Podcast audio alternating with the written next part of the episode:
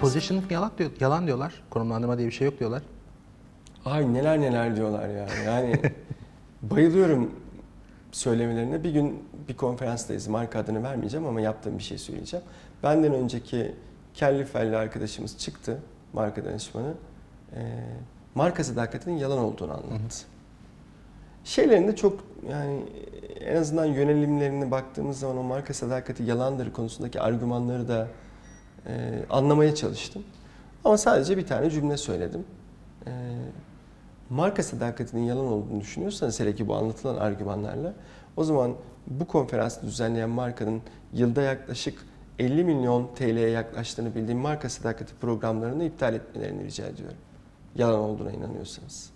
Üstelik o, o markanın da danışmanlarından biriydi. Yani söylememin bir anlamı vardı. Salonda doğal olarak bir sessizlik oldu. Sonra bunları yapıyorum yapıyorum gıcık olan da bir sürü birisi çıkıyor. Niye gıcık oluyorlar acaba? Onu çözdüğümde büyük bir aydınlanma yaşayacağım. Seninle de paylaşırım. Sen gıcık mısın bana? Yok. İyi, eyvallah.